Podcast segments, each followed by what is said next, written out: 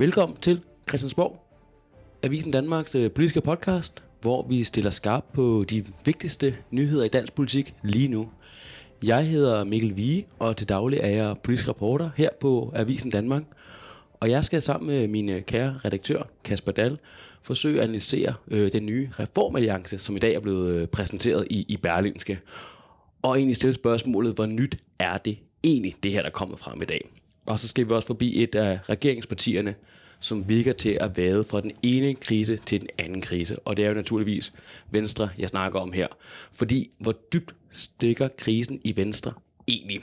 Og det er det, vi skal høre på her i dagens Christiansborg. Velkommen til. Nå Kasper, vi starter med den her nye reformalliance, som der er blevet præsenteret tirsdag aften i hos Berlingske, som jo består af Liberal Alliance, Konservativ og Radikale Venstre. Først og fremmest, hvad er den her nye reformalliance egentlig for en størrelse? Jamen det er jo nærmest et slags nyt øh, arbejdsfællesskab, vi ser her på øh, Christiansborg. Vi har jo regeringen med Socialdemokraterne, Venstre og Moderaterne, der identificerer sig som et arbejdsfællesskab, og nu har vi så fået en, en alliance, som jo øh, i første omgang er blevet enige om at, øh, at spille ud med, med nogle initiativer på øh, øh tilbagetrækningsområdet, øh, altså de muligheder, man har for at trække sig øh, tidligt tilbage. Og der er de jo så kommet frem til de tre partier, at de jo i virkeligheden har sammenfaldende politik på det område, nemlig at de gerne vil afskaffe efterløn, efterlønnen, at de gerne vil afskaffe Arne-pensionen, det store socialdemokratiske dyr i åbenbaring fra valget i 2019, og at øh, de gerne vil bevare øh, seniorpensionen, altså den her seniorpension, som øh, Lars Lykke og en lang række borgerlige partier indførte tilbage i 2019, så, i, tilbage i 2019 som deres svar på Socialdemokraternes guldæg Arne-pensionen. Ja, fordi som du siger, det handler om tilbagetrækning det her, og helt ganske kort skal vi bare lige skitsere, hvad det egentlig præcis, der er blevet præsenteret her. Fordi som det er i dag, så er der noget, der hedder en seniorpensionsordning, som grundlæggende set, så får du 20.000 om måneden, og du kan trække dig øh, tilbage op til 6 år før pensionsalderen. Så frem du har en lægeerklæring, der siger, at du er øh, for syg til at arbejde. Så er der Arne-pensionen, hvor du rundt regnet får omkring 14.000 kroner, øh, og du kan tilbage trække dig når du har arbejdet 42-44 år på arbejdsmarkedet, og det kræver ikke nogen lægeerklæring. Det er en rettighed, som Socialdemokraterne Det er en rettighed, hvis du er langt til på arbejdsmarkedet. Det er de to, som øh, regeringen gerne vil lægge sammen til en helt ny øh, ordning, som de kalder Arne Plus-ordningen, som så vil give øh, folk 15.000 om måneden, og der er så to muligheder for at komme ind på den. Enten at fordi du er nedslidt og har papir på det, eller fordi du har været x antal år på arbejdsmarkedet. Ja. Og det er lige præcis den model, som den her nye reformalliance ikke synes om, for de vil egentlig bevare den oprindelige seniorpensionordning. Er det korrekt? Jo, det er fuldstændig rigtigt. Altså, de synes jo, at det kompromis, som er indgået af flertalsregeringen på Marienborg, hvor man jo netop skulle diskutere, hvordan er det, man gerne vil have det her øh, øh, slaraffenland af ordninger jo nærmest skulle, skulle se ud i fremtiden. At øh, der øh, stod Socialdemokraterne jo fast. De kunne ikke øh, bære, at der skulle pilles øh, ved, øh, ved Arne, altså at Arne-pensionen skulle øh, nedlægges. I stedet for, at man jo så endte med en opgradering, hvor Venstre og Moderaterne så ligesom accepterer, at Arne han kommer til at, at blive, den ordning skal fortsætte, og man sågar også laver en, en lille opgradering øh, af den. Til gengæld må man jo så sige, at for dem, der kunne være berettiget til seniorpensionsordningen, og det er der jo øh, ganske mange, der kunne være i spil til, at, øh, at de vil jo opleve klare og tydelige forringelser, hvis det ender med, at det, der står i regeringsgrundlaget, bliver gennemført, at man får nedlagt seniorpensionsordningen, og i stedet for at gennemføre Arne Plus-modellen. Og så er det et af de spørgsmål, der i hvert fald kommer til mig, når jeg ser det her, det er, hvor nyt er det egentlig? Fordi mig bekendt, så øh, har de her tre partier jo ment det her hele vejen igennem, at de har ikke været særlig store faner efter løn, og de har ikke været særlig store faner af Arne-pensionen, øh, og har alle, alle sammen bakket op om seniorpensionsordningen. Så hvad er det nye det her? Jamen, det er jo i virkeligheden et super godt spørgsmål, fordi der er jo reelt ikke rigtig noget nyt i forhold til den politik, der bliver fremlagt. Så det nye er jo, at de er gået sammen om at prøve at se, om de kan presse regeringen, presse flertalsregeringen på det her område, fordi de er en del af øh, forliget omkring øh, seniorpensionen. Det vil sige, at hvis man skal ind og røre ved det, så er det jo forlisbelagt stof, og der skal partierne jo være enige, ellers er man nødt til at vente til efter et, øh, et folketingsvalg med at kunne gennemføre det. Det er sådan de gængse forlisregler, der er på, øh, på Christiansborg. Så man kan sige, det er jo ikke i sig selv super interessant, at det lige præcis er de her tre partier, der mener det, de gør i dag. Det interessante, ser jeg, i den her reform, såkaldte reformalliance, er jo, hvis de kan være med til dels at presse regeringen på området, kan de være med til at få regeringen til at bakke på noget af det, der står i, øh, i øh, regeringsgrundlaget, få Socialdemokraterne til at ændre på, øh, på noget af det, eller sågar få Venstre og Moderaterne til at være med til at skrue op eller ned for, for det, der står der. Det begynder at blive rigtig interessant. Og så i forhold til reformalliancen, så bliver det jo ganske, ganske interessant, hvis de her tre partier kan være med til at komme med nogle nye forslag på reformområdet. Altså, de er jo enige om, øh, hvordan man vil gøre det på øh, tilbagetrækningsområdet. De er også enige om, at øh, mange af de forslag til reformer, som regeringen har foreslået, er de modstandere af. De synes, det er nogle dårlige idéer, og de kan komme på nogle bedre idéer, påstår de. Hvis det lykkes for de her tre partier, Radikale Venstre, Liberal Alliance og de konservative, at blive enige om nogle nye politikker, så begynder det at blive interessant, for så kan man lige pludselig se for sig, at der er et idé, øh, en idémaskine til reformer inde i regeringen og ministerierne og regeringskontorerne og sådan noget, og der så kan komme sig et, øh, et nyt, en ny tænketank på en eller anden måde på reformdagsordenen blandt de her tre partier. Og så på den lange bane kan det jo gå hen og blive rigtig interessant med de radikale. De radikale har jo de sidste øh, årtier peget i, i rød retning. De har peget på røde statsministre og været med i røde regeringer. Øhm, men når de begynder at arbejde tæt sammen med borgerlige partier, muligvis også begynder at fremlægge ny politik sammen med borgerlige partier, så kan det jo være med til at give dem den her øh, unikke rolle og i virkeligheden en eksistensberettigelse i dansk politik, fordi vi må jo også være ærlige at sige, at siden valget er det ikke ret meget, vi har hørt til de radikale venstre. De har levet en, øh, en hensyn tilværelse på Christiansborg i dansk politik, fordi de jo ikke gik med i regering, og ikke på nogen måder er, har de afgørende mandater, de syv mandater, de har, er nærmest ligegyldige, og det kun handler om, hvorvidt de vil være med eller, eller ej. Øhm, så, så hvis de kan være med til på et eller andet tidspunkt at give, lave en eksistensberettigelse for partiet, og kan komme ind og konkurrere med moderaterne, som må være den store udfordring for de radikale, fordi moderaterne jo har taget øh, de radikales position i dansk politik, både på midten af dansk politik, men jo også i regeringen. En position, som de radikale jo virkelig arbejder hårdt for at, øh, at få. Hvis de kan bruge reformalliancen til at begynde at pege i blå retning, så åbner det nogle helt nye øh, perspektiver og muligheder for en mulig borgerlig statsminister på lang sigt. Men er det virkelig det, vi ser ind i her? Er det, er det perspektiverne til en ny alliance, der også kan virke til efter et næste valg? Jeg synes i hvert fald, det begynder at blive interessant, hvis de kan levere mere end det, de har gjort i dag. Ja. Altså, øh, det, de har leveret i dag, er øh, øh, forudsigeligt for at, at være i den lidt, øh, lidt øh, hårde værdidømmende ende. Altså, det er ikke overraskende, at de tre partier de øh, ikke kan lide Arne-pensionen. Det er heller ikke overraskende, at de peger på efterlønnen som et andet sted, hvor man kunne finde øh, et arbejdsudbud. Det har de partier ment i, i ganske, ganske mange år. Så, så det, det, de kommer med i dag, er i indholdsmæssigt ikke øh, voldsomt overraskende, men der kan være nogle perspektiver i den her alliance, hvis de fortsætter med at lave deres, øh, have deres kaffesnakke. Øh, finansminister Nikolaj Vammen, han hælder jo øh, forslagene af brættet i, øh, i dagens udgave af Berlingske og kalder det for en snakkeklub. Og det er jo sådan set tilbøjeligt til at give ham ret i på nuværende tidspunkt, at der er det en, en snakkeklub, fordi de sådan set bare har sat sig sammen, Martin Lidegaard, Søren Pape Poulsen og Alex Vandopslag, og har kigget deres partiprogrammer igennem og fundet ud af, hvor vi er enige.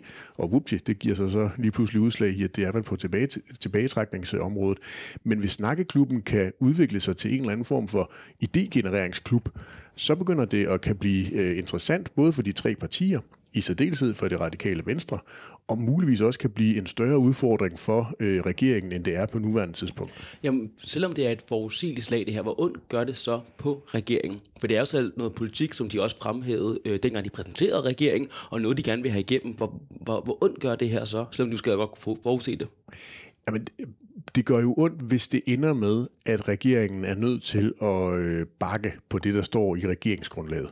Øh, man må jo forstå, når man lytter til regeringen her, det, siden den er, er trådt til, at det er en øh, reformregering, det er en regering, der er klar til at tage de store opgør med de udfordringer, vi står med i samfundet, og det er en regering, der vil øh, gøre op med byråkrati osv., og der må man jo bare sige, jamen en udfordring, det er, at vi skal blive længere tid på arbejdsmarkedet der giver det god mening at begynde at, at skære og, øh, i de øh, muligheder, der er for at gå fra arbejdsmarkedet øh, så tidligt som muligt. Samtidig får man også ryddet op i noget byråkrati, for der er mange ordninger. Nu vil der så i fald blive i hvert fald minimum en ordning mindre, hvis det bliver øh, gennemført. Og hvis regeringen begynder at bakke på det, så vil det jo være første gang, de gør det i den her øh, valgperiode, og det vil jo selvfølgelig gøre, at oppositionen begynder at lugte blod på nogle af de her, både den røde og den blå opposition, begynder at lugte blod på nogle af de her områder, der er for ligesbelagte, som øh, er, øh, hvor regeringen har nogle ambitioner øh, på, øh, på de områder.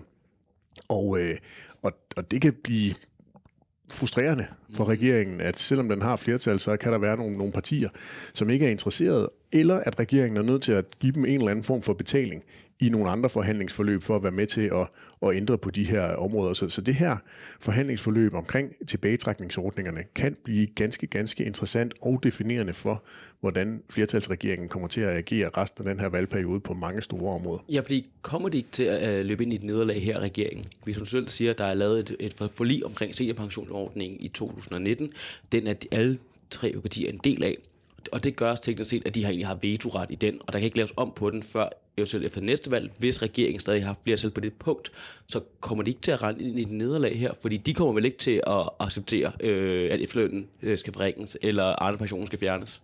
Det bliver over med det Frederiksens øh, lige, at både Arne pensionen skal, skal aflives, eller at efterlønnen skal fjernes, så tror jeg godt, at Mette Frederiksen hun kan begynde at, at kigge sig om efter et nyt job, fordi så tror jeg kun, hun er statsminister frem til, at hun udskriver et valg. Det, det vil være katastrofalt for Socialdemokratiet, hvis, hvis de begynder at, at gå ned af, af den retning. Så, så på den måde er det jo ikke noget, der kommer til at ske der, men derfor kan de jo godt øh, enten beslutte sig for at sige, fint nok, så gennemfører vi det først efter et valg, og tro så meget på øh, deres evne til at overbevise tilstrækkeligt mange af danskerne, at der stadigvæk skal være et, øh, et flertal for det efter øh, næste folketingsvalg. På nuværende tidspunkt ser det jo ikke for godt ud for øh, den nuværende regering med, med meningsmålingerne. Eller de kan vælge at begynde at lave nogle øh, kompromiser, altså indgå nogle, nogle politiske aftaler, hvor øh, forlispartierne accepterer nogle ting, mod så selvfølgelig at få nogle andre ting. Mm. Så det er det mulighed, de har for. Det egentlig er selvom de lyder til at være ret øh, kan sige, bombastiske altså udmeldinger af reformalliancen, for det er nærmest det, er det her eller ingenting, som det er lige nu jo. Ja, men, men der skal de jo mødes både den bombastiske øh, reformalliance, men jo også den bombastiske regering, der er jo ret beset, når man, hvis man tager deres ord for pålydende, er klar til at, at trumle mest muligt igennem, fordi det er en, øh, en flertalsregering. Så der er også måske også den der store bededag, der er lidt skræmmer og siger, at det er ikke den måde, vi skal gøre det på. Vi er nødt til at forhandle med Helt bestemt, det virker til, at Storbededags øh, opgøret var en, en øjenåbner også for, øh, for regeringen i forhold til at sige, okay, vi øh, er nødt til at lytte og involvere mest muligt. Øh, og øh, på den måde er det jo ikke nødvendigt for dem, øh, hvor mange mandater de får med, fordi de har ikke brug for at nå de 90, dem har de allerede i forvejen. Der er det mere, øh, eller der er det vigtigere for dem, at der reelt bare kommer flere partier med. Og så er det lidt lige meget, selvfølgelig er det aldrig lige meget i politik, hvor mange mandater man har, men det er lidt lige meget, om du har 5, 10 eller 15 mandater øh, blandt de andre partier partier, men bare det, at der er nogle flere med, og regeringen på den måde kan sige, at øh, den ikke længere er magtfuldkommen, eller den ikke længere fører reelle forhandlinger eller lignende. Så der vil den selvfølgelig gerne have, flere partier med i de forhandlingsforløb, der kommer.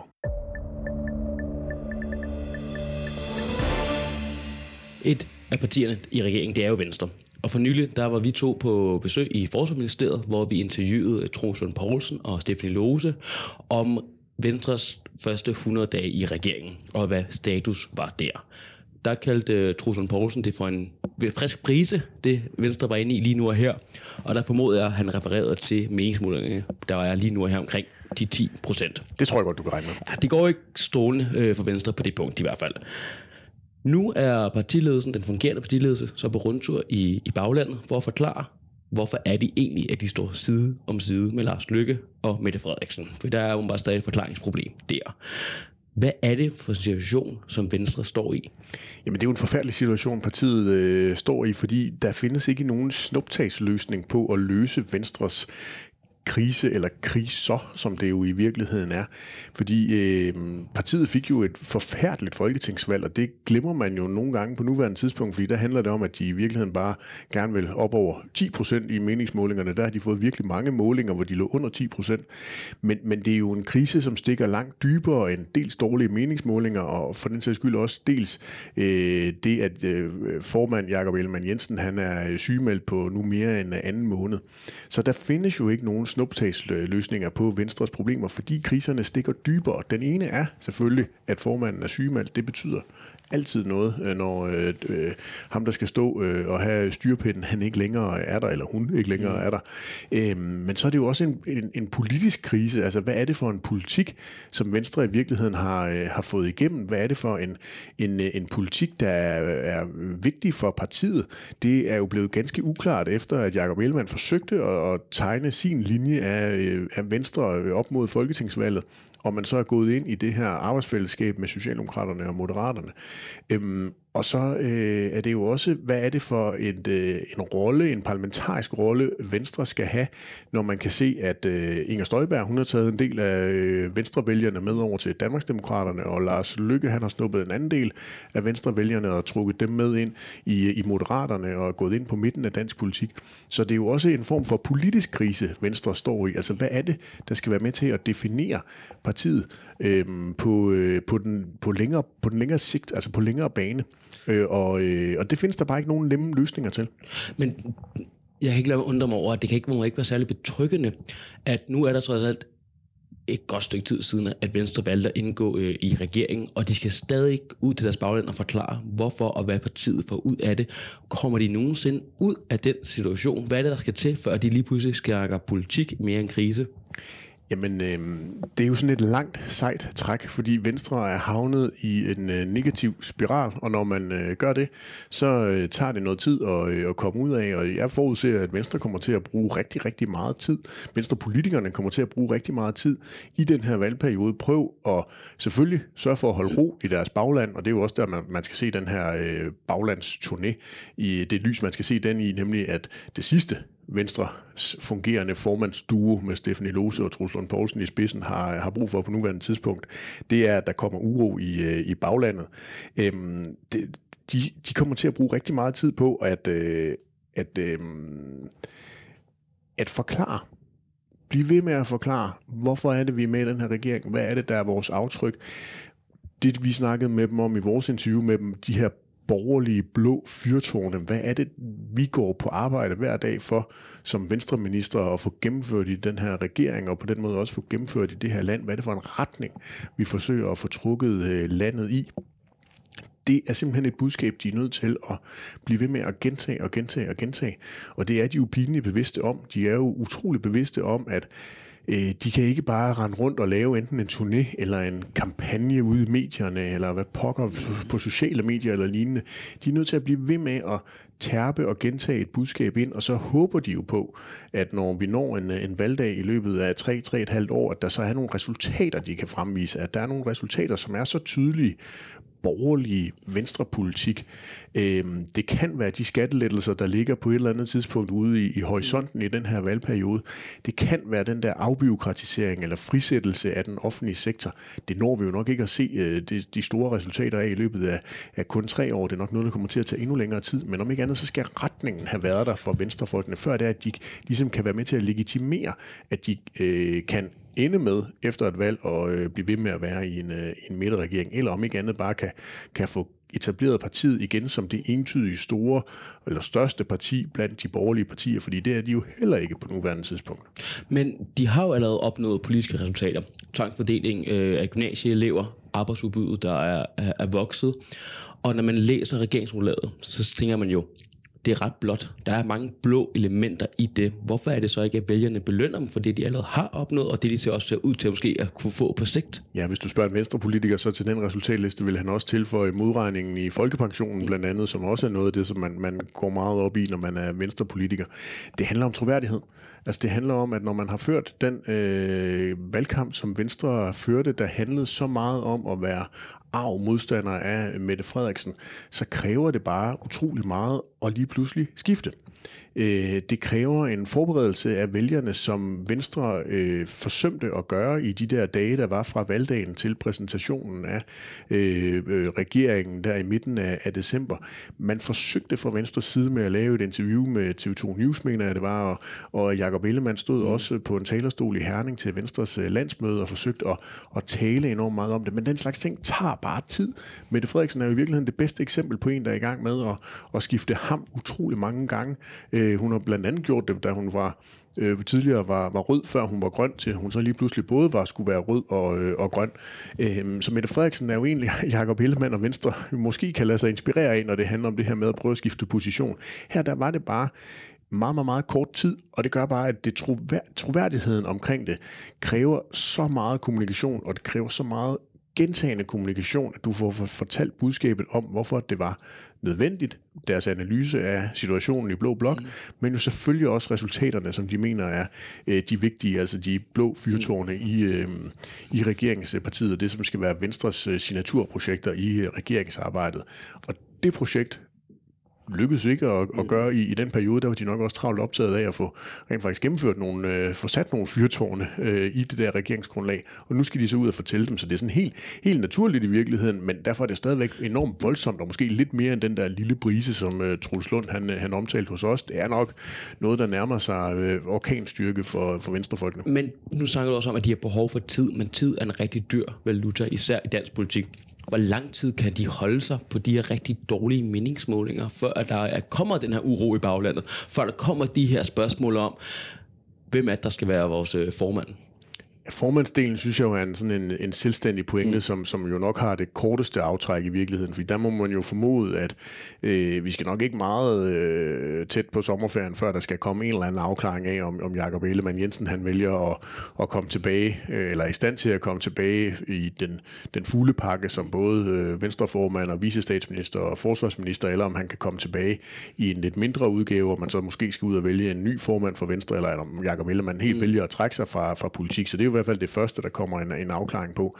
Og ellers så er det jo øh, tiden, man øh, sætter sin lid til i, i Venstre. Altså at tiden gør, at de nok skal kunne forklare de klassiske V-vælgere, hvorfor det var nødvendigt, og hvorfor det var det rigtige valg at gå i regeringen, og at man også nok skal kunne overtale potentielle V-vælgere, altså nogen, der nu lige pludselig i dag sandsynligvis er stemt ind over hos Alex Vanderslag og Liberal Alliance, hvorfor det er, at det er øh, Danmarks Liberale Parti, Venstre, man skal øh, være hos og sætte kryds ved, hvis man er borgerlig, sindet og, og liberal, fordi det er der, man får mere indflydelse, end man får hos Liberal Alliance. Man ser jo i virkeligheden også, at der er en ret mange, ret mange venstrefolk, der på nuværende tidspunkt er rimelig krasse i deres kritik af Liberal Alliance og de konservative, for eksempelvis ikke at støtte mm. regeringens forslag om at afskaffe store bededag. Der er øh, virkelig øh, en, en skarp retorik der. Og så håber man jo på resultaterne, som sagt. Altså, at man vil kunne fremvise en resultatliste, når øh, regeringsperioden er ved at rende ud, og at man på den måde kan sige, hey, det her, det var faktisk det, vi, vi opnåede, så nu lige for at, øh, at belønne os, og så kan det jo være, som Truls Lund Poulsen siger, at man ender med at øh, blive inde i en regering på midten, eller at man mm. måtte søge ud og se, hvad der kan være af, af borgerlige muligheder, hvis stemmerne skulle falde sådan ud. Men det jeg også tænker omkring det, hvad du siger, at der er behov for at blive vist nogle resultater. Men lige nu og her er både Socialdemokratiet og Venstre presset i meningsmålingerne. Kan de godt i regeringen fremvise resultater, som fungerer for begge partier, eller kommer der også til at være sådan en intern battle om, hvornår er det, vi skal have de skattelettelser? Ja, ja, det vil der øh, helt bestemt komme til at gøre, men heldigvis kan man sige, at de har fået lavet et, et regeringsgrundlag, som er forholdsvis øh, øh, balanceret, når det gælder om det der med at finde nogle, øh, nogle ting, der er vigtige for mm. dem. Skattelettelserne kommer helt sikkert til at have utrolig stor betydning for øh, venstrefolkene.